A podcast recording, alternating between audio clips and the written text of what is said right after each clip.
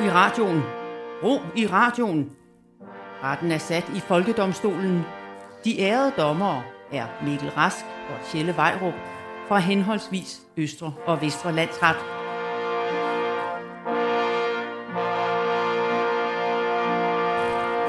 Vær hilset æret dommer Rask. Vær hilset æret dommer Vejrup, og vær hilset æret lytter. Ja, i dagens udgave af Folkedomstolen, der vil vi fælde dom over en amerikansk sport, der måske er for urealistisk til at kunne være underholdende. Vi vil også vurdere, om der skal skrues ned for den nationale stolthed over danskere i udenlandske film, og om bilmekanikere er lige så slemme, som klichéen siger. Ja, og så får efterårsferie en tur igennem den juridiske satiretrumle. Velkommen til Folkedomstolen. Folkedomstolen præsenterer sag nummer 1. Og dommer Rask, du har den første sag lige her. Ja, tak for det layup, dommer Vejrup. Den amerikanske basketballliga fylder nemlig 75 år. Øh, først og fremmest tillykke til den. NBA. Og uh, NBA, ja, ja, NBA basketball. Det er vel mere en assist, så. Okay, jeg ved ikke nok om basketball. Jeg kendte ordet layup, og ja. det tænkte jeg bare passede. Jeg forstår ikke, hvordan det her er en nyhed. Altså lige, mm. lige i amerikansk sport, så forstår jeg ikke, de fejrer, når noget fylder år. Altså de burde aldrig kigge tilbage i amerikansk sport.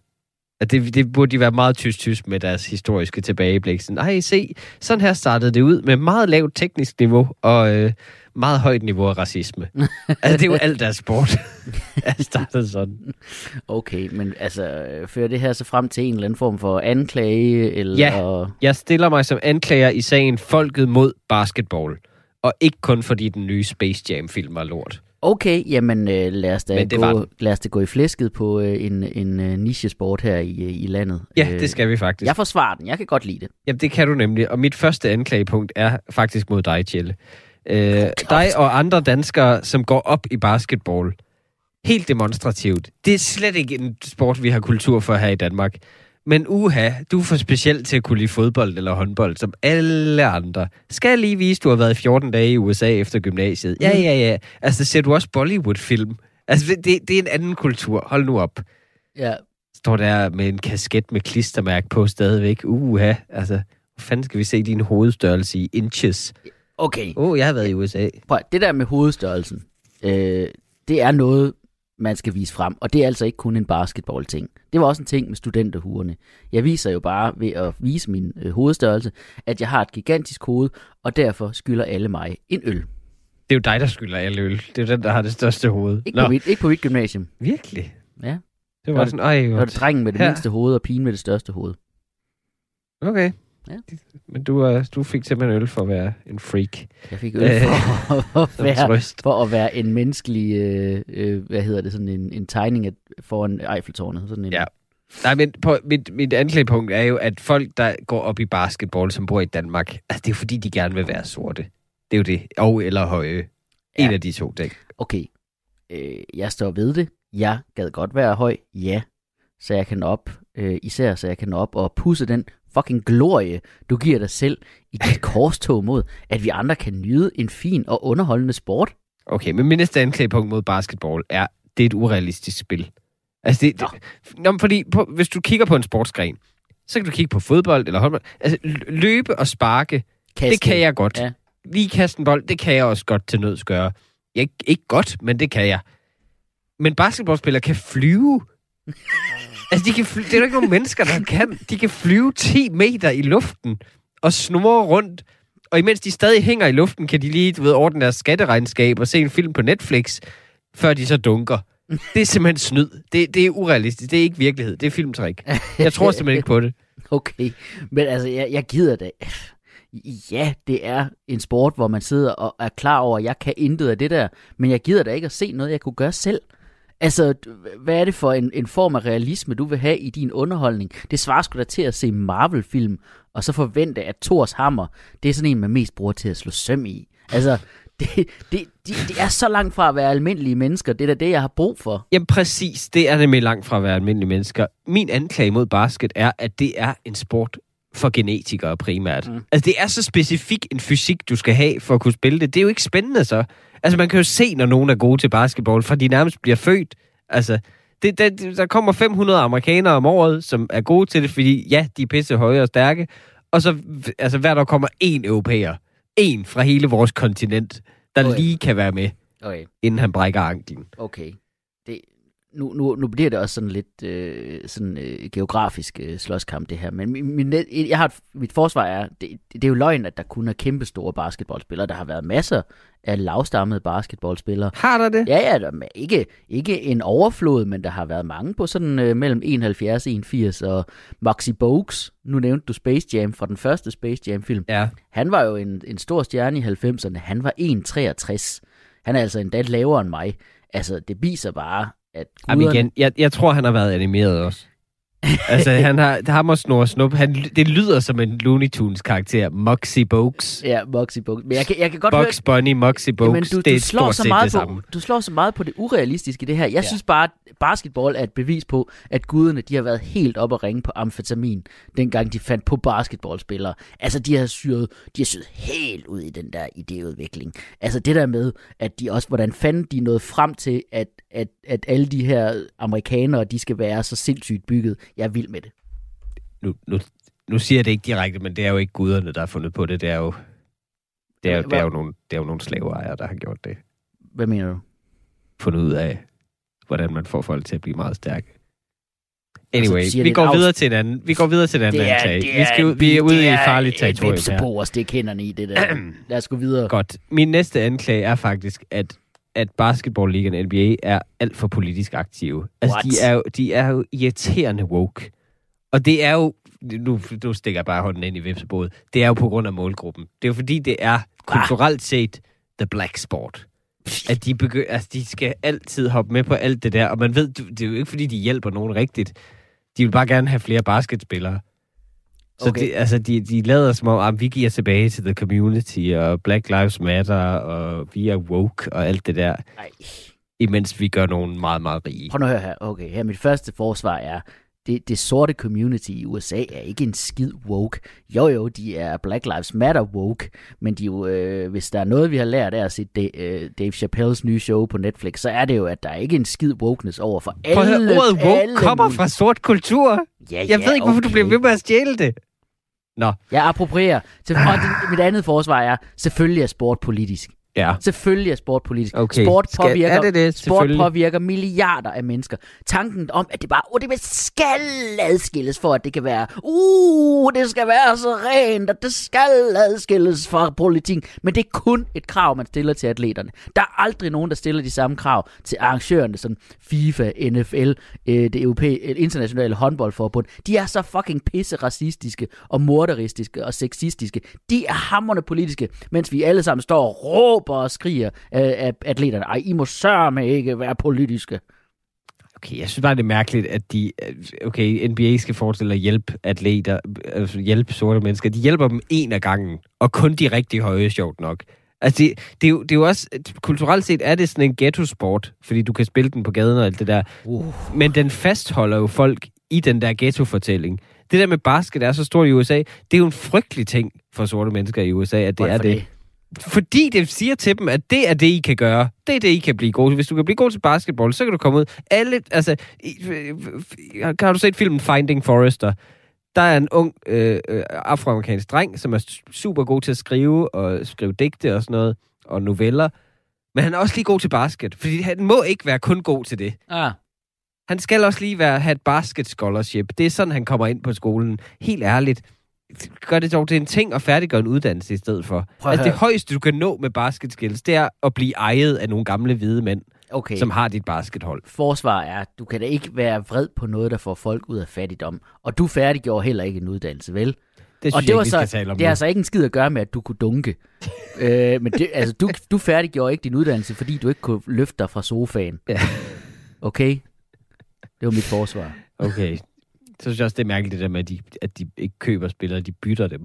Ja, det, Det du, har, du, har, du har selv lige nævnt slaver og, og, og slaveproblematikken. Og nu, nu vil du have, at de skal kunne købe spillere. Det er bare underligt, det der med bytte. Altså, det viser bare, at de ikke ser dem som mennesker. Det er ligesom at bytte glansbilleder eller Pokémon-kort eller sådan noget. Ja, det er ligesom pakkelej.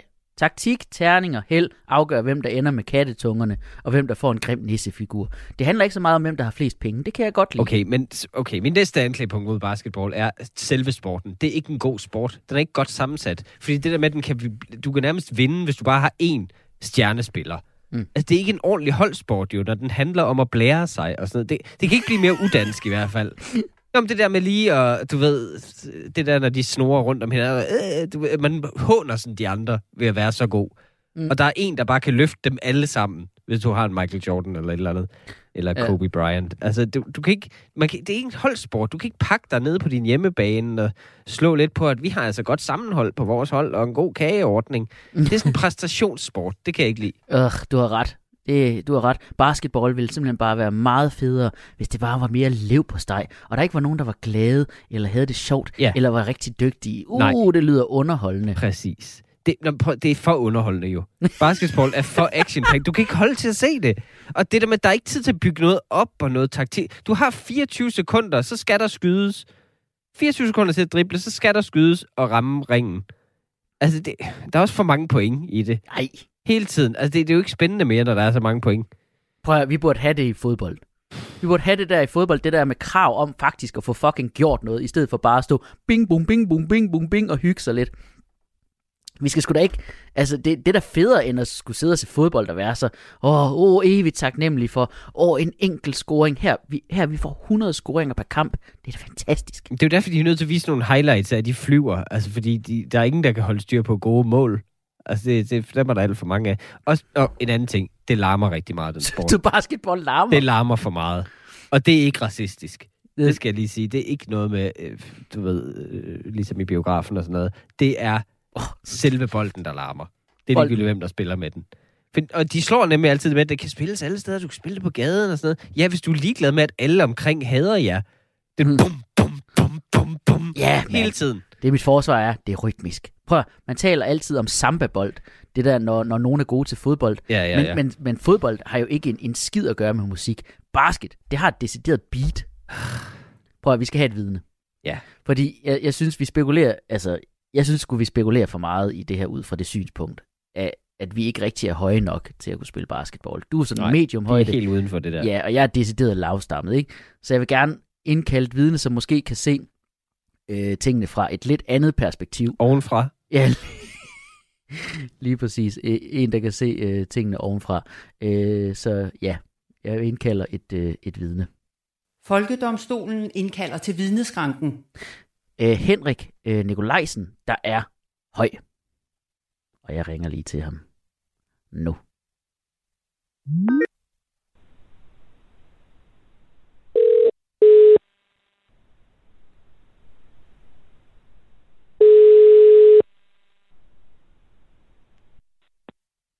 Det er Henrik.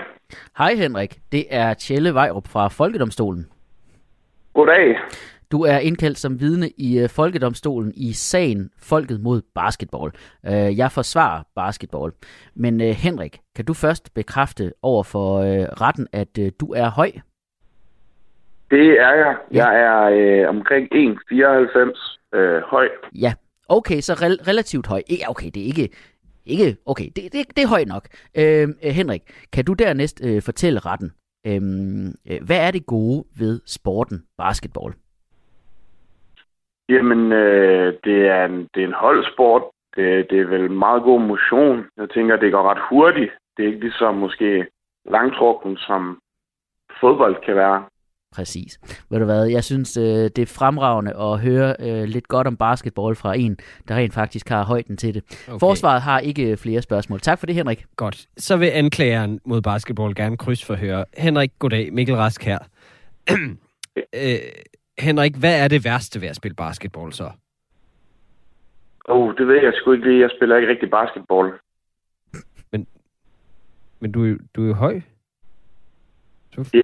Ja, altså, jeg er ikke ret atletisk, og jeg, jeg har sgu aldrig sådan boet omkring et basketball-netværk. Men, men, men du er jo høj. Ja, ja, men... Du, øh... du er jo højere end... Nå. Har du overvejet... Har du, har, du, har du overvejet at spille basketball overhovedet?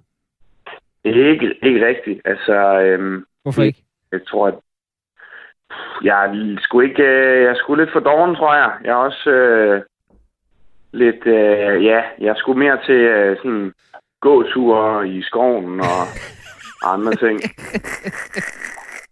Det er de to ting, man kan vælge jo, Ja, som en ung, underprivilegeret høj mand. det er godt. Nå, ja, Tusind tak. Tak til, tak til vidnet. Ja, tak Henrik. Mange tak. Nå, Nå, nu lagde du på, mens Ja. han sagde, det var, det jamen, var jeg kan lidt. ikke bruge ham til noget. Nej, okay. Nå, øh, lad os votere. Altså, nu, nu, nu, nu siger jeg lige noget om basket, ikke? Det er, jo, det er jo opfundet, fordi man skulle have en indendørs sport i de kolde, regnfulde måneder. Øh, det er jo det, den er, er skabt til. Så er det da perfekt til Danmark. Det siger du jo kun, fordi du ser basket selv, så du er jo farvet. Farvet? eller, du, er ikke, du er ikke en person af farve, Mm. du forstår. Men det er jo en del af problemet. Altså, hvor, hvorfor skulle vi tage en sport til os, som ingen danskere er perfekte til? Ingen af os kommer til at blive verdens bedste til det. Er det ikke nok, at vi holder krampagtigt fast i fodbolddrømmen?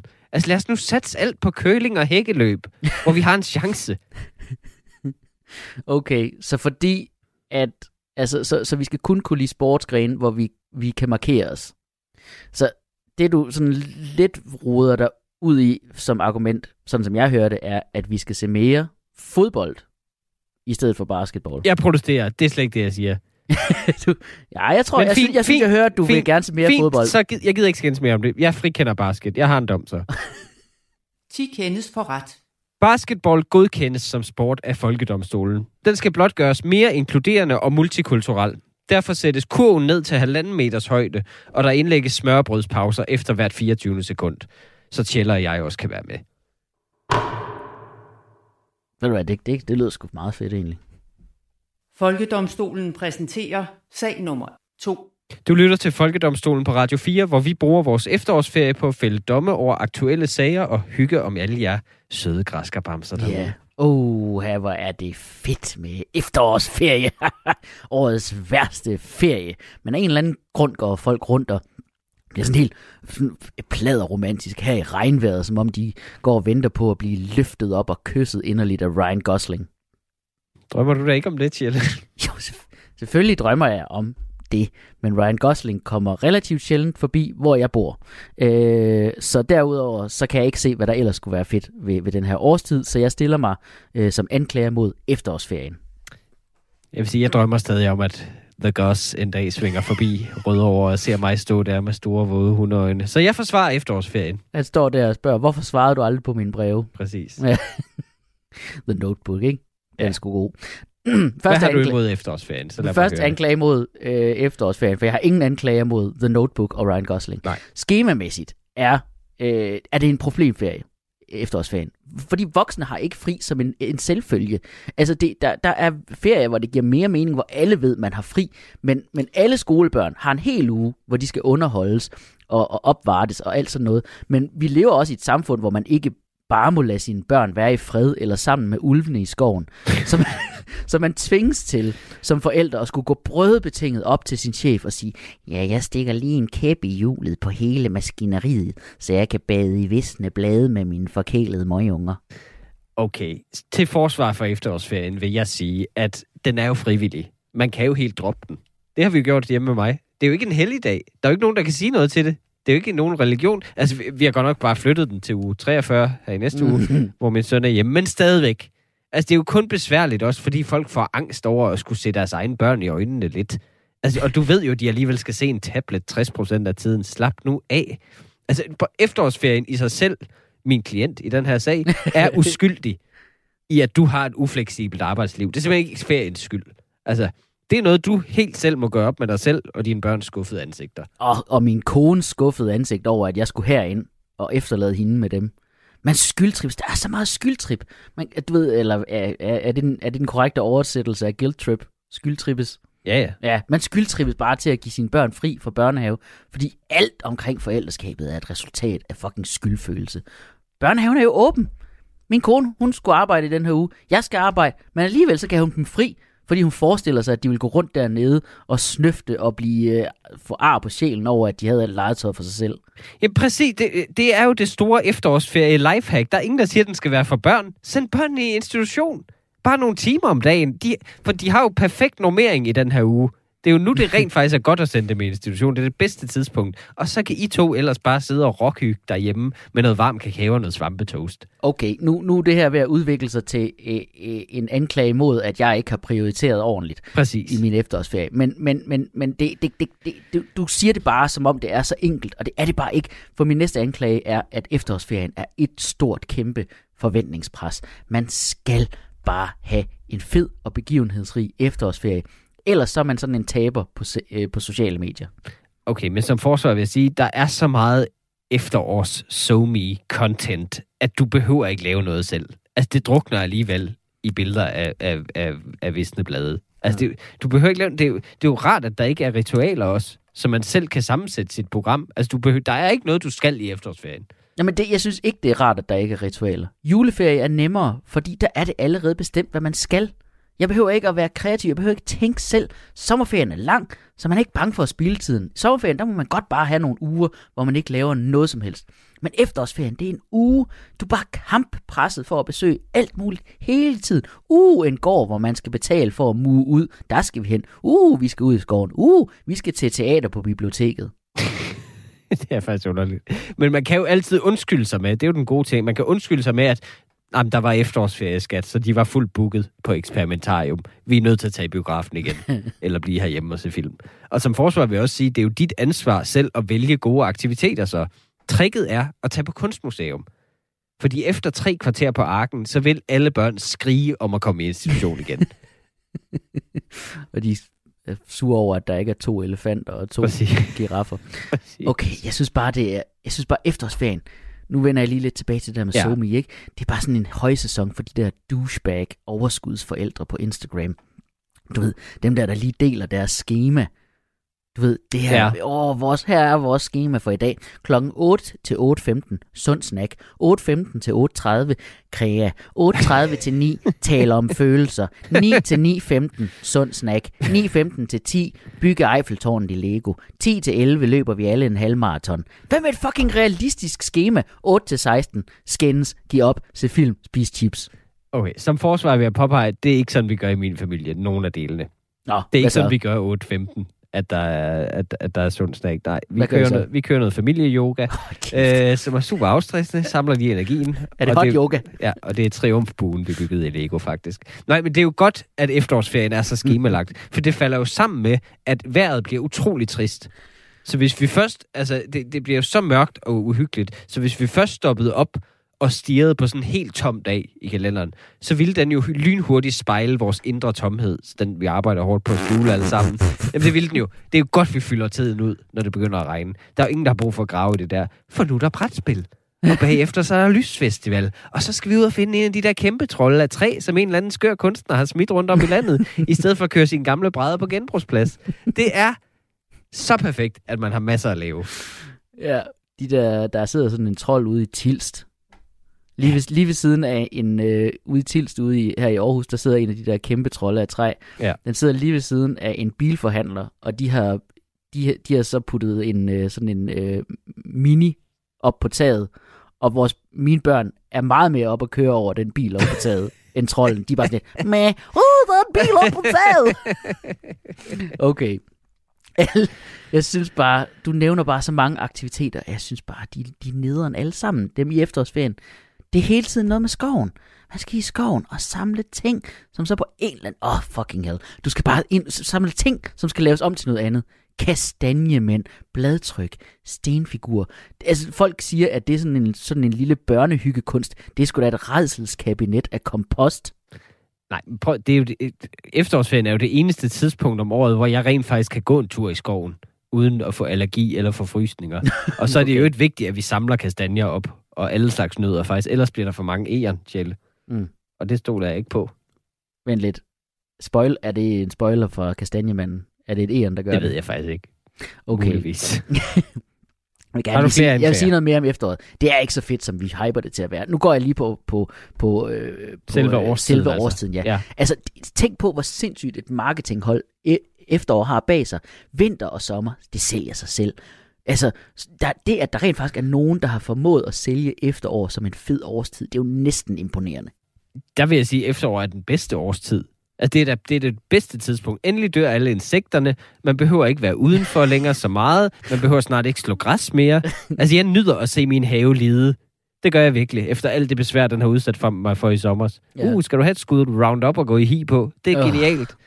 Og så har klimakrisen øvrigt jo også gjort, at man er lettet over efteråret stadig dukker op. Prøv Det bliver jo høre, senere og senere. Ja, okay, så det, det er naturen, men her er nogle af de andre ting, folk gokker over, altså øh, ved efteråret. Fucking pumpkin spice latte. Sådan en, en græskar latte fra, øh, fra, øh, Starbucks? fra Starbucks. Det Eller smager- Espresso House. Ja, siger godt, det smager lort, mand. Prøv at det smager lort. Der er nogen, der har hældt græskarsuppe i din kaffe. Hvad fanden tænker I på, mand? Jeg vil sige, det smager nogenlunde ligesom normal Starbucks Espresso House kaffe. Ja, Altså, det er også, det er jeg synes, det lort. klæder det at blande det noget med noget spice. Ja. Det eneste, jeg mangler, er bare noget alkohol i. Sådan en kaffe pumpkin punch.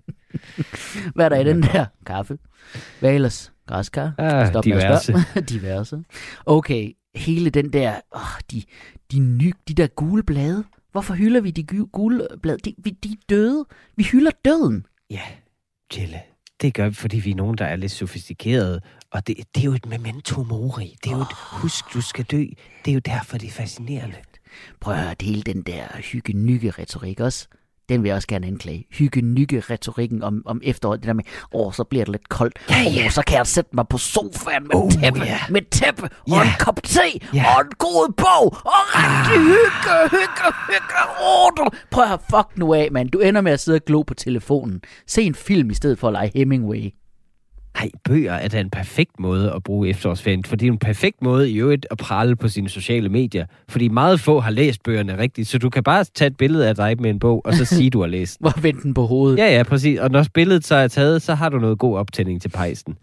ah, så du sidder rigtig og varme sig med den nye Morten Pape. Okay, men apropos varme, ikke? Ja.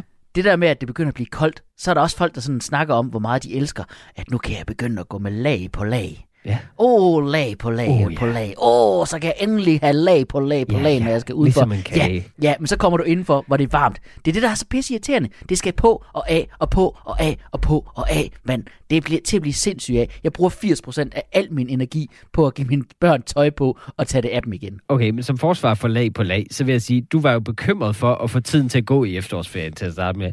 Og der er tre fjerdedel af tiden gået. Det er den. Eller fire femtedel, hvis det er 80 procent. Altså, når først du har fundet de gode termobukser, så lige skiftet til regnbukser, fordi det drøber, og så lige tilbage med gummistøvler. Åh, oh, de var våde. Åh, oh, dem skal vi lige tørre på radiatoren. Så på med dem. Så er det jo ved at være nytår. Mm. Altså, Okay, skal vi få til? okay. Jeg synes, det er lidt underligt, at du er imod en decideret ferie, uanset om den så er fejlfri eller ej. Okay, ja, du har ret. Altså, dårlig ferie er jo stadig ferie, ikke? Ja. Ferie, ferie er jo egentlig fint nok. Ja, det er jo ikke, fordi jeg er så meget imod ferie. Jeg tænker bare, kunne man ikke, kunne man ikke, bare, Måske- kunne man ikke tweak den lidt, tilpasse Måske den kunne lidt? du flytte den, der hvor den ligger så.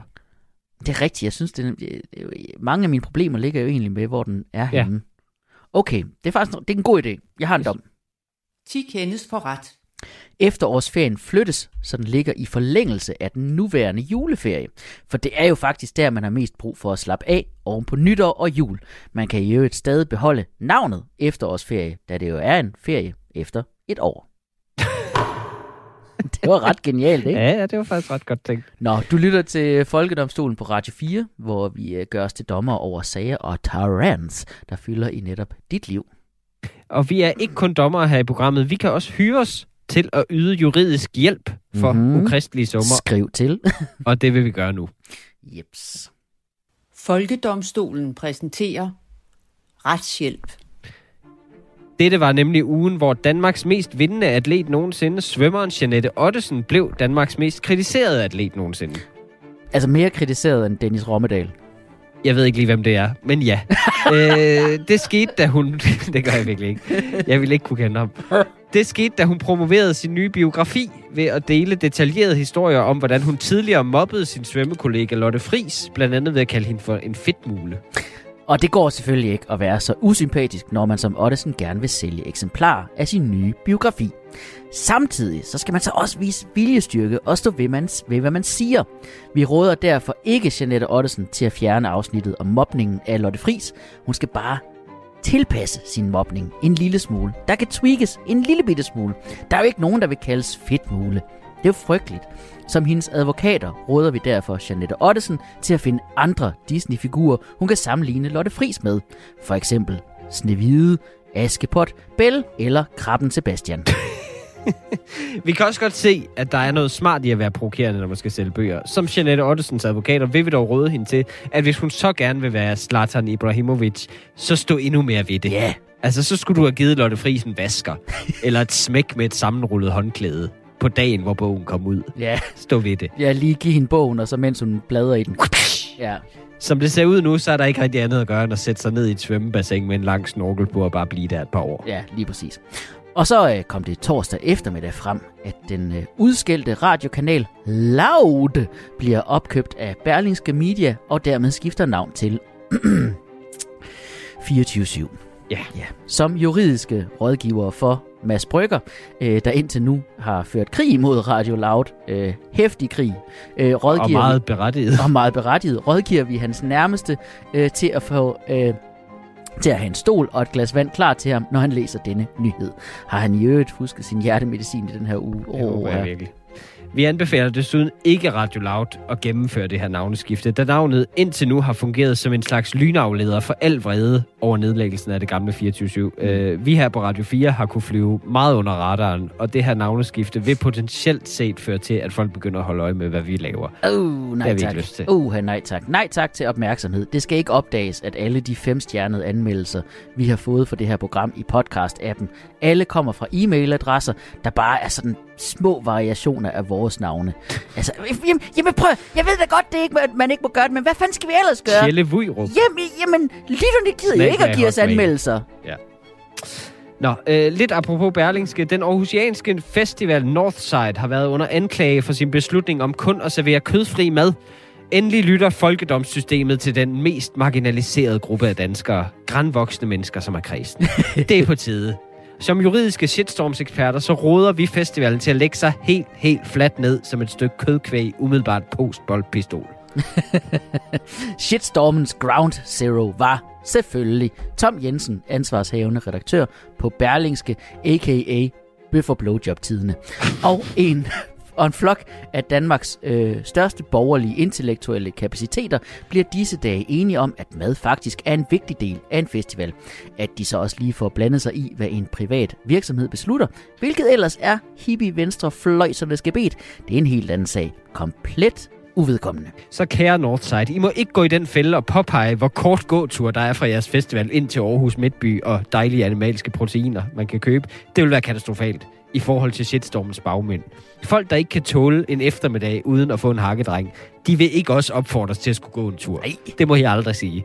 Der er tale om utrolig bange mennesker, som har grøntsags-PTSD fra deres ungdom i 80'erne, og i alvor tror, at alt vegetarisk festivalmad, det vil bestå af strimlet iceberg med de der helt store halvgule tomater og et par kæmpe både rødløg. Øh. Anerkend, at madoplevelsen er den vigtigste for danskere, uanset aktiviteten. Vi har jo alle sammen Spotify. Vi behøver ikke festivaler. Nej. Men sådan en god furter fra en Ja. festival, sådan en, der har stået og branket, lige siden de annoncerede musikprogrammet et halvt år forinden, det kan du altså ikke få derhjemme. Det kan du ikke. Og et andet råd. Kom de ældre jyder i møde. Sig, vi lavede en fejlvurdering. Vegetar modehaløjet er ikke nået ud til Aarhus' opland endnu. Det er cirka fire år væk, vurderer vi her på Folkedomstolen. Men Northside er kun nået lige omkring til pulled pork og koreansk bag med svinekød. Altså det er der, hvor du virkelig har øh, været i udlandet. Ja, præcis. Så vores råd til næste års festival er, kend jeres publikum, drop musikken, lav en kødfestival. Sats 100% på at tiltrække 50 plusårige jyske mænd, der både ligner og kun hører Johnny Madsen, så sparer I også pengene til kvindebands og kikærter. Øh, apropos kvindebands. Lady Gaga må selvfølgelig gerne komme, øh, men det skal være i den der kjole, der var lavet af entrecôtebøffer, og hun skal selvfølgelig ikke synge. Nej, og så drop det der fancy ekskluderende navn Northside. Rebrand jer ligesom Facebook gør. Hermed et gratis forslag. Aarhus Frankfurter Uge. En ægte pølsefest. det bliver lige en halv million.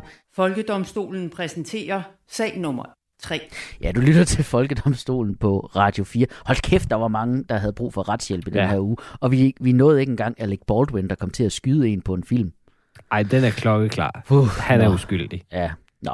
Vi skal tale lidt om popkultur. Er det ikke sandt, øh, Dommer Rask? Jo, jeg har jo set den der nye BBC-serie, The Northwater, The som er Northwater. helt fremragende. Ja, det er, jeg har ikke set den, men jeg har godt Den set ligger på den ligger, DR.dk. jamen, jeg har godt set den ligger inde på DR.dk øh, med danske Roland Møller i en af hovedrollerne, vist. Ja, nej, han, nej, han er med i en, i en ret lille rolle. Jeg tror faktisk kun, han er på plakaten for serien herhjemme i Danmark. Prøv, jeg hader, for helvede, jeg hader Det er da dejligt, at vi gør det. Nej, det synes jeg, er hader, jeg hader den der overdrevne danske stolthed. Hver gang der er en dansker med i noget udenlandsk tv eller film eller musik, øh, så skal vi bare sådan, woo, woo, woo, som om vi har vundet EM i 92. Prøv at, jeg vil gerne anklage den der overdrevne danske stolthed. Jamen altså, farv mig rød og hvid i ansigtet, for her i Danmark, der står vi sammen side om side. Okay, min første anklage er, vi er simpelthen for nemme at imponere. Altså, uha, så kan man lige se, Roland Møller, han glider lige i en hundelort i baggrunden af en scene. Han skal have en Oscar for bedste glide i en lort i baggrunden rolle. Okay, for det første vil jeg sige, at alternativet til, at danskere er med i udenlandske film, det er, at de er endnu mere med i danske film. Ja, Og det, det, der bruger vi altså de samme også hele tiden. Men vi har faktisk gang i en dansk viking-invasion af Hollywood lige nu. Ew. Det er da stort. Prøv at Altså- tænke, hvor stort det er, at de rent faktisk har krediteret Roland Møller ved at bruge øget i hans efternavn. Er du klar, hvor svært det er at finde på et britisk tastatur? Det er altså stort. Uh, jeg troede faktisk, nu siger du viking-invasion, jeg troede faktisk, vi skulle til at komme de seksuelle krænkelser i Hollywood lidt til livs. Anyways, jeg synes, vi underkender dem, der reelt har præsteret noget.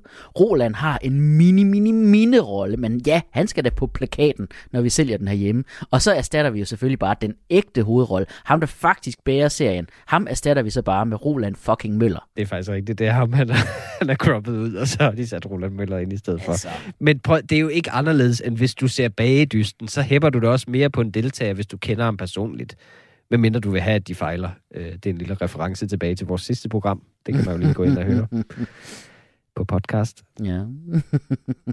Nå, prøv, øh, altså, jeg forstår, jeg forstår bare ikke, hvorfor det er så imponerende, at nogle danskere har fundet vej til Hollywood. Det skriver vi altid. Skriver, øh, Ja, de har fundet det, vej. Det, ja, det, Det er da ikke det, Det, det, det, det, jamen, det, det, det er det da. Man kan, man kan faktisk bare tage dig til.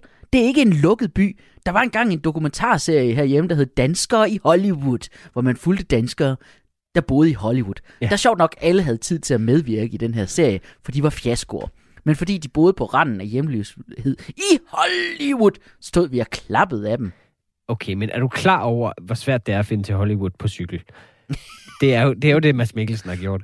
Er du klar over... Carlsberg cykel. Ja, ja, mens han, mens han kørte fuld endda, øh, uden hjelm. Er du klar over, at lobbyarbejde, det har jo taget så meget vanvittigt lobbyarbejde at overbevise filmbranchen i udlandet om, at danskere, der snakker engelsk, ikke lyder fjollede. Mm. At de kan tages seriøst. Som Øh. bondskurke, for eksempel. Når man hører dem, det svarer, jo- det svarer jo til en af de der Oscar-film, hvor en rigtig evnesvag spiller med. Mm. Altså, det, det er så flot gået, at de kan tale engelsk, synes jeg. Man får lyst til at græde. Ja, jeg synes bare, nu nævner det ikke, altså vi, min næste anklage er, at vi, vi claimer jo bare alle som danskere. Selv dem, der tydeligvis ikke er det. Viggo Mortensen, oh, Ja, det han er vores dansker. alle Det er sammen. klart, han, han er dansker. Oh, han er vores nationalskat fra Ringenes Herrefilmene. Ja. Han, er, han er jo lige så lidt dansker som Liv Tyler, som også er med i Ringenes Herrefilmene. Han er lige så lidt dansk, som hun er elver. altså, de kan jo begge to kun tale en brøkdel af det sprog, og med en meget tyk accent. Man kan godt høre, at det, øh, det er en amerikansk nej. elver. Man kan Øh, godt høre, at den her nej. elver er fra Kalifornien. Ah, Viggo Mortensen, jeg tror faktisk godt, han kan tale elversprog, og dansk i øvrigt, og syv andre sprog, men stadigvæk. Altså, jeg troede hele tiden, vi fik kritik for, at det er for svært at blive danskere. Altså, vi er, åh, vi er for stramme, vi er for lukket land. Men nu lader vi en stor gruppe mennesker komme ind i vores land, i vores, øh, og få statsborgerskab nærmest, helt uden palaver. Altså, hvis, hvis, hvis de vil med, jamen altså, kom. Alle, der har bare en lidt forbindelse til Danmark, kom i vores. Øh, prøv, at- Viggo, Viggo Mortensen kan da i mindste dansk. Men min anklage er, at vi påstår jo også, at sådan, altså folk, der bare sådan har lidt familie i Danmark, Ja, ja, ja, de er danskere. Scarlett danskere. Johansson, det er jo hver gang hun er skål, Scarlett Johansson er med i noget. Uh, hun er jo nærmest dansker, fordi hendes far Karsten øh, for 40 år siden tænkte, fuck, jeg keder mig her i Danmark, og tog til Hollywood. Altså alle de her mennesker, som vi bare snakker om, de, de her mennesker aner ikke engang, Danmark eksisterer. Jo, det gør de altså. Jeg synes, det er forkert, vi fokuserer på Altså, der, er jeg så, der var en eller anden skuespiller, som havde øh, et, altså, hans tiboldeforældre på farens side var danskere. Det er nok. Det er nok til at antage, jeg ved det ikke, men jeg antager, at han får sønderjysk kaffebord hver søndag. Det er nok. Okay, jeg er, Det er nok det er alt det bevis, jeg behøver på, at han er dansker. jeg er nødt til lige at skynde mig videre med noget ja. andet, ikke? Det er Danmarks gode ry. Jeg vil gerne anklage den der tanken om Danmarks gode ry. Ja. det er en løgn. Det er så stor og fed en løgn. Altså, vi har en idé om, at vi har sådan en helt særlig plads i verden, og at alle de andre, ald- de vil aldrig kunne undvære os. Sandheden er, hvis Danmark sank i havet, vil ingen opdage det. Grunden til, at du ikke kan udpege Danmark på en globus er, at så dækker din finger hele vores lille lorteland. Det kan godt være, at vi er et lille land, vil jeg sige, men til forsvar for det, så det er jo for, vi, det anerkender vi jo også, at vi er. Vi anerkender vores kleinhed, og så, så gør vi det alligevel. Vi er verdensmestre i ydmyghed, Jelle. Det er vi altså. Vi er de bedste i verden til Lidt at være ydmyge. sagt. Men vi skal jo værne om Danmark. Det skal vi. Vores ry er jo så vigtigt. Altså, hygge er blevet et internationalt fænomen. Det er, vi er et lille land, det kan godt være, at vi er relativt ukendt, men vi er ukendt på måden, som et alternativt band er det. Vi er undergrund som nation. Altså, det er alt sammen noget, vi kan være stolte af. Det synes jeg. Nej, prøv at høre. Vi, vi er så, vi er jo ikke stolte. Vi, vi, vi, vi er pisserad. Vi er så bange for at miste det her gode ry, som vi tror, vi har. Åh oh, nej, udenlandske medier nævner, at vi har en stram udlændingepolitik. Det er så pinligt, at hele verden nu går og tænker om os, at vi er racister. Men ved I, hvad de tænker om os? Ved I, hvad de tænker om os? Intet. Intet. De tænker intet om os. Ej, jeg kan mærke, de tænker på os. Det gør de. Nogle gange vågner jeg om natten, så er mine ører helt brandvarme. Så tænker jeg, åh, åh, åh, så bliver der skrevet en klumme i The Guardian nu, om at Mette Frederiksen er fascist. Og ved du hvad? Jeg elsker den opmærksomhed. Jeg synes, det er perfekt, men jeg synes godt nok, vi skal passe på det ry. Okay, det skal vi altså. Høre. Jeg tror, vi har brug for et vidne. et vidne udefra. En, der kan se sådan lidt objektivt på Danmark. Okay. Folkedomstolen indkalder til vidneskranken. Jeg vil gerne indkalde en mand ved navn Oliver Stanescu. Skal jeg lige se, om jeg kan finde øh, telefonen her på øh, computeren. De kunne faktisk godt tegne den som en øh, telefon, så jeg nemmere kunne finde den.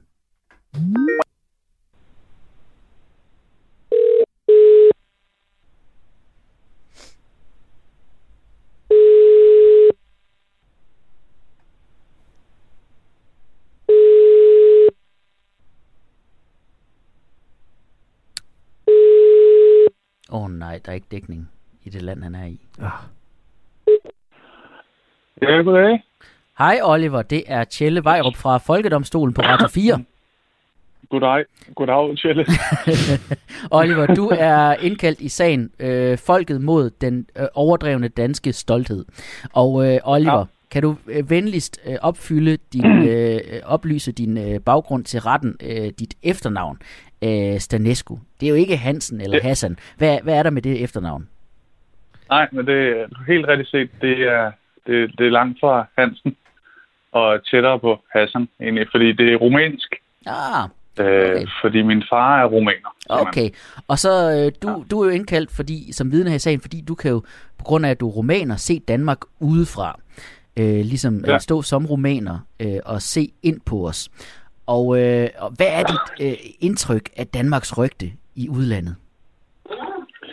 Jamen, øh, jeg vil simpelthen sige det, at, øh, at jeg, er jo, jeg, er jo, altså, jeg er jo dansker, Tjelle. Jeg har boet i Danmark Ja. hele livet. Er, er du nu også? Men okay, Ja. Altså, øh, Ja. Ja, okay. Nå, men, men, øh, men, men øh, du kender så nogen, der er udefra øh, for landet. Udenfra. Okay. Nå, men hvad er dit jeg indtryk? kender min far. Ja, og hvad er dit indtryk øh, gennem alle, ham? gør. Hvad er dit indtryk af Danmarks rygte i øh, udlandet?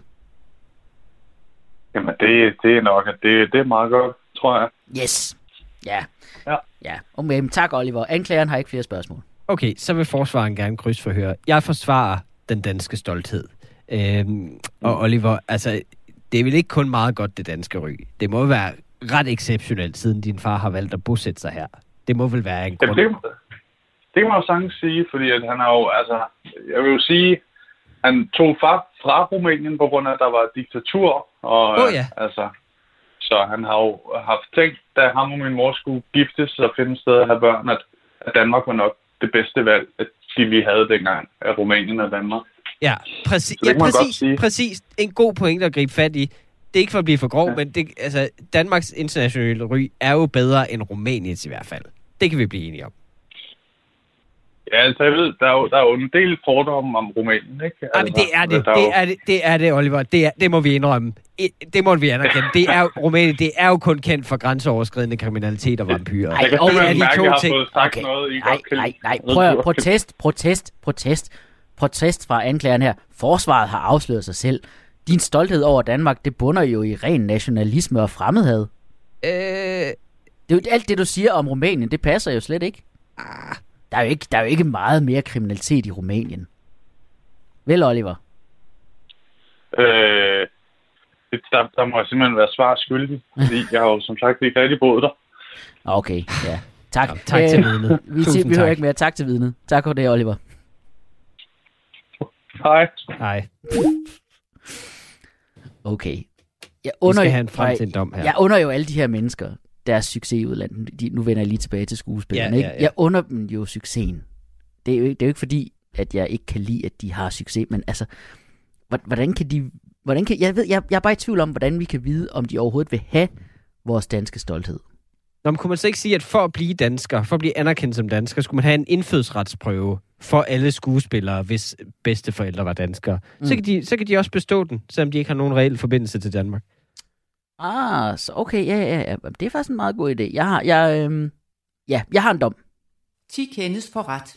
før nogen kan claimes, altså øh, tages øh, som danskere, så skal de have gennemgået en mindre dansk test, så vi kan stole på, at de gerne vil associeres med os.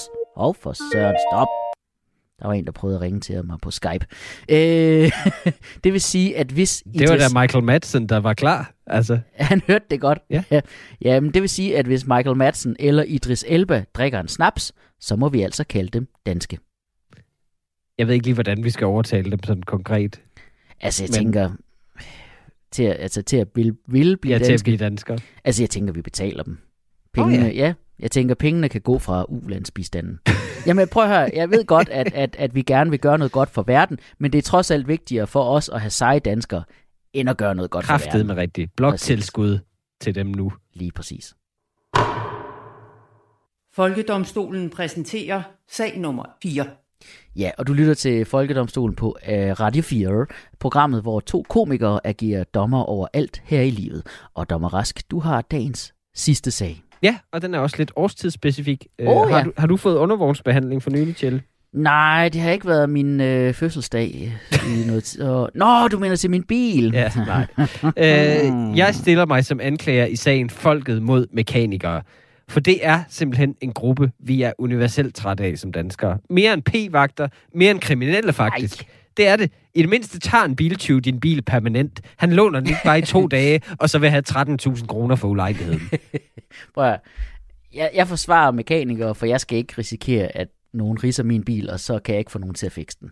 Okay, mit første anklagepunkt imod mekanikere, det er, det er svindel. For eksempel vinterdæk og What? undergrundsbehandling. Vinterdæk især, det er et scam. Det er det simpelthen. Jeg tror ikke på, at det er nødvendigt. Hva? At de, de burde da kunne opfinde et dæk til biler, som er en mellemting mellem sommer- og vinterdæk, som man bare kunne have på hele året. Vejret er jo alligevel en mellemting hele året i Danmark, Mm. som kørt nogenlunde i alle slags vejr.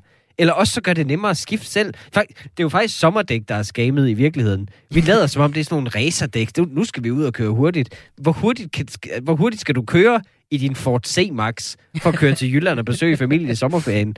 Altså som om du skal ud og cruise med en barnestol ved siden af dig.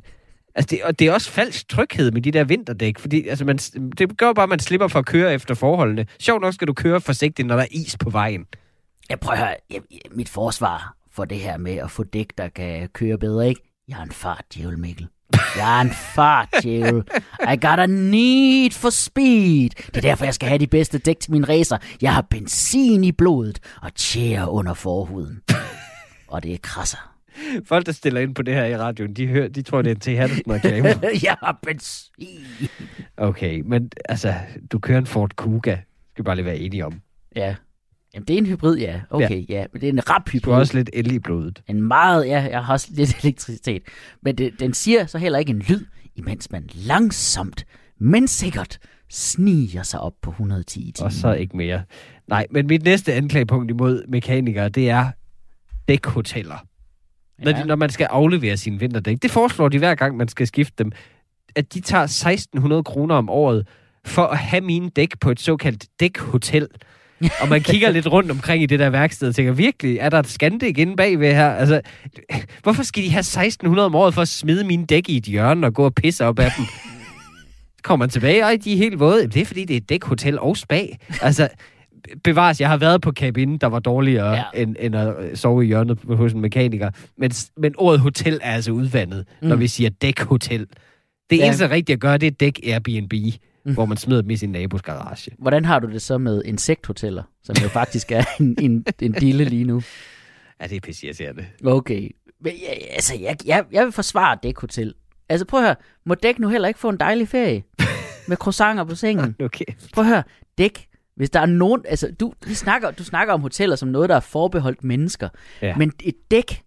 Et dæk bliver decideret mast mod asfalt af en 5-700 kilo tung bil hver dag i 6 måneder i streg.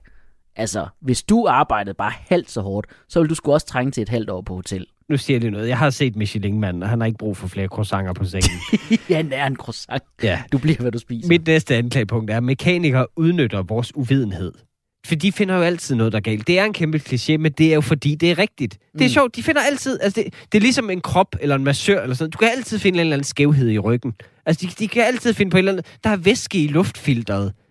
Som om det er en super alvorlig ting. Som om der, der er lige ved at komme giftgas ind i kabinen. Altså, man ser for sig, at der er væske i ens eget luftrør, lige om lidt i hvert fald. Mm. Det, det er bare frygt, altså. Men man, mit forsvar er jo, man går jo ikke til lægen for at få at vide, at der ikke er noget. Man går til lægen, fordi man vil have en diagnose, der bekræfter det, man allerede har tænkt på. Helst det mindst slemme af det, man har tænkt på. For hvis de ikke finder noget, så regner jeg jo bare med, at de er dårlige til at lede. Okay, men det er jo også irriterende bare at træde ind hos en mekaniker. De kan jo se med det samme, at jeg ikke ved noget om biler. Altså, man skal jo kende alle det der jargon og fagudtryk Ja. og sådan noget. Motor, alle de der ord der, ikke? Altså, de, for de står bare og siger ord, der, de står bare og siger ord, der, der ikke eksisterer. Altså, det er bare ting, de, de kunne lige så godt finde på det. Nå, der, ja, vi har lige haft en bil ind. Der er en form for øh, aksel eller, eller øh, spadonrem, der er knækket. Der er nogle klodser, vi skal have kigget på. Hvad? Klodser? Hvad? Jamen prøv jeg har brug for, at de siger noget spændende. Jamen, den Jeg- ligger lidt løst i skiverne. Hvad? Hvad? Tag mig dog pædagogisk igennem det. Jeg har da også været i skive. Prøv at høre, jeg har brug for, at de siger nogle vilde ting. Jeg har brug for, at, at, at de giver mig noget, noget. For mig, der, det du nævner der, det er ammunition, jeg får, som jeg kan tilføje, øh, når snakken, når folk sidder i en gruppe og snakker om biler. Jeg aner jo intet. Jeg, jeg ved ikke en skid om biler. præcis. Så derfor det føler mig mega sej, når jeg ligesom kan sige, Nå ja, flemsedænken, den havde vi også problemer med sidst. Den er jo ret essentiel for køreoplevelsen. Møf, møf, møf, møf. Okay, men jeg tror på, at de fleste mekanikere også selv laver flere problemer, end de løser. Det Mm. tror jeg simpelthen. Det, det, altså, jeg, jeg havde på et tidspunkt sagde min bil sådan, ku, ku, ku, pludselig, da, da jeg kørte med den. Så kørte jeg til en mekaniker. Så fandt jeg ud af, at alle boltene i mit hjul var løse, så det var lige ved at falde af. Mm. Det er jo ikke mig, der har stået og skruet dem løs. Det er jo sjovt nok den sidste mekaniker, der har sat dem på, da jeg fik skiftet til vinterdæk. Mm. Okay. Prøv, jeg tror, vi, jeg tror, vi er nødt til at votere. Okay. Jamen, øh, vi skal have meget strammere regler på det her område. Nå. Hvorfor er der ikke et godt anmeldelsessystem til mekanikere heller? Mm. Altså, det, du- har detaljeret data på alle steder, man kan købe en sushi-buffet. Men ham, der skal fikse dit eget køretøj, som koster flere hundrede tusind, der tager du bare den nærmeste. Eller den første på Google, der lige har åbent. Og du stoler bare blindt på alt, han siger. Det er ligegyldigt hvad. Altså, der, Ligegyldigt, hvad han siger. der findes jo også an- anmeldelser af mekanikere inde på sådan noget, der hedder Autobottler. Det, men det skal vi jo heller, det må jo ikke stå og reklamere for. Okay, øh, åh, det er jeg nødt til at droppe så, for det bliver reklame. reklame. Okay, men jeg ved, jeg siger, de ved jo bare, hvordan biler virker. Altså, det har en pris at skulle sætte sig ind i. Jeg gider ikke sætte mig ind i det. Nej, men der må kraftigt med snart være en whistleblower fra mekanikerverdenen, der ligesom siger, vi tager for høje priser, vi laver selv problemer. En eller anden mekaniker on the inside, der snart siger, det der, hvor vi hejser bilen højt op i luften, det er unødvendigt. Altså, der er ingen af os, der ved, hvorfor vi gør det. Men hvis den her whistleblower fandtes, så vil han allerede ligge død i bitte små stykker i en masse folks karburator. Prøv, vi skal have en dom. Men husk, du kan ikke selv skrue på din bil. Nej, for det har de jo sjovt nok afskaffet, at man kan. Altså, nu skal der en computer sættes til, som fortæller dem alt. Jeg, jeg, altså, så lad mig da snakke med den direkte. Altså, jeg forstår ikke, hvad mekanikeren laver i det spil, så. Sidst jeg var til mekaniker, så sagde han ordret, bilen har fortalt mig, at den vil til service. det, sagde, han- det var sådan, han formulerede det. Jeg var sådan, okay, mine sko har fortalt mig, at jeg skal gå nu. Altså, okay, jeg har en dom. Fint. 10 kendes for ret. Mekanikere kendes skyldige i overlagt pressen af citronen, når det gælder udgifter og indforstået sprog. Så løsningen er, at vi fremover smider alle biler ud hvert år, så de ikke skal repareres. og til de miljøbekymrede, der tænker, det er spild, nej. Det betyder jo, at vi hele tiden har de mest opdaterede og miljømæssigt rigtige biler. det var alt for denne udgave af Folkedomstolen. Husk, du kan høre os som podcast på Radio 4-appen, Apple Podcasts, Spotify eller Podimo. Vi er tilbage med et nyt afsnit hver fredag kl. 13 som podcast og i radioen hver søndag 20.05. Retten er hævet.